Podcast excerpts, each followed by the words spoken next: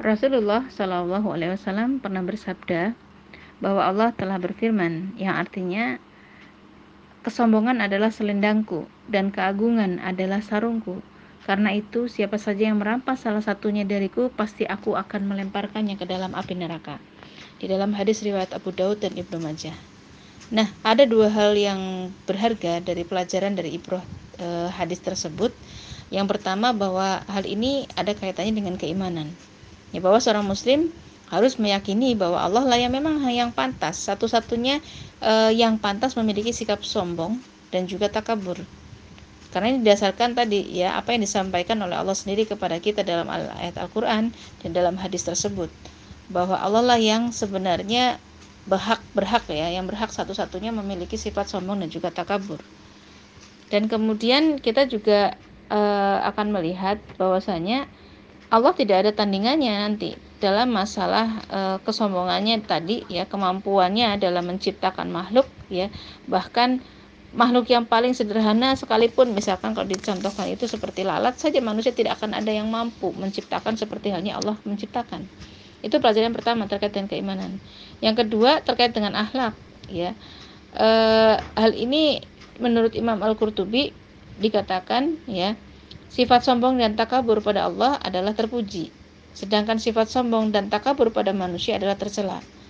Nah, jadi jelas di sini Allah telah mengkaitkan ancaman api neraka ya sebagai indikasi e, dengan sikap sombong dan takabur, yakni bahwa siapa saja yang sekiranya memiliki kesombongan dan ketakaburan ya, maka dia akan dilemparkan ke dalam api neraka.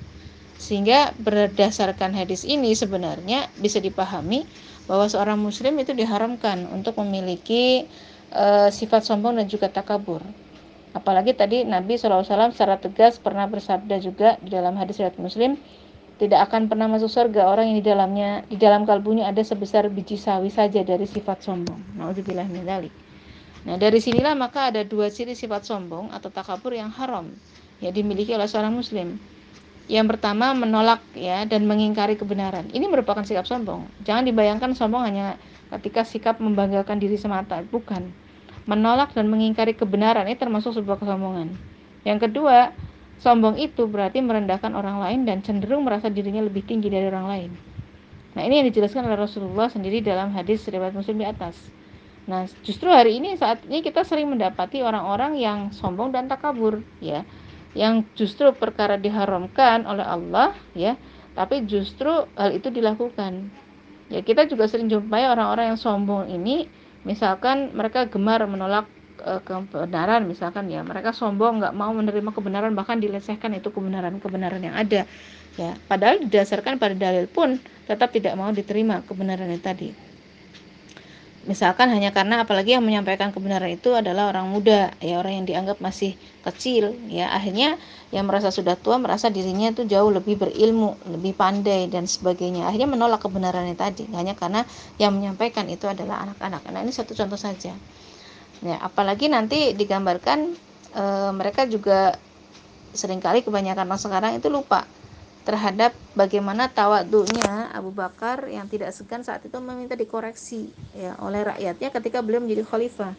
Jadi beliau seorang khalifah yang taat dan dijamin masuk surga, ternyata pun tetap meminta e, koreksi dari rakyatnya karena dianggap ada khawatir ada penyimpangan dari kebenaran. Ya, padahal kita tahu Khalifah Abu Bakar merupakan sahabat Nabi yang paling dekat dengan Nabi dan dipuji oleh Rasulullah sendiri. Jadi sampai Rasulullah pernah memuji Abu Bakar itu dengan satu pujian seandainya keimanan Abu Bakar itu ditimbang dengan keimanan seluruh manusia maka keimanan Abu Bakar itu tetap yang lebih berat. Masya Allah bayangkan. Tapi beliau dengan ketawaduannya meminta masukan kritikan dari rakyat ketika beliau memimpin. Jadi di sinilah kerendah hatian yang pernah dilakukan oleh Abu Bakar Kemudian juga Khalifah Umar bin Khattab juga saat itu juga sama. Ya sekeras apa pun Umar bahkan ketika Umar berjalan pun banyak setan yang lari terbelit-belit karena ketakutan. Tapi beliau bersedia dikoreksi oleh rakyatnya sendiri. Bahkan mau dikoreksi dengan pedang. Ya jadi ini suatu hal yang luar biasa. Ya Umar tidak malu-malu untuk mengakui kebenaran pendapat seorang sahabiah yang saat itu pernah mengkritik e, kebijakannya Umar dalam pembatasan jumlah mahar. Itu diterima pendapatnya dari seorang sahabiah nah dalam konteks inilah kemudian ya kita perlu melihat bahwa sombong tidak hanya terkait dengan upaya membanggakan diri, berbeda nanti dengan penjelasan pria. Dalam hal ini makanya sombong di sini dengan cara menolak kebenaran itu termasuk kepada perkara kesombongan. Apalagi yang disampaikan jelas-jelas itu kebenaran dengan dalil. Ya.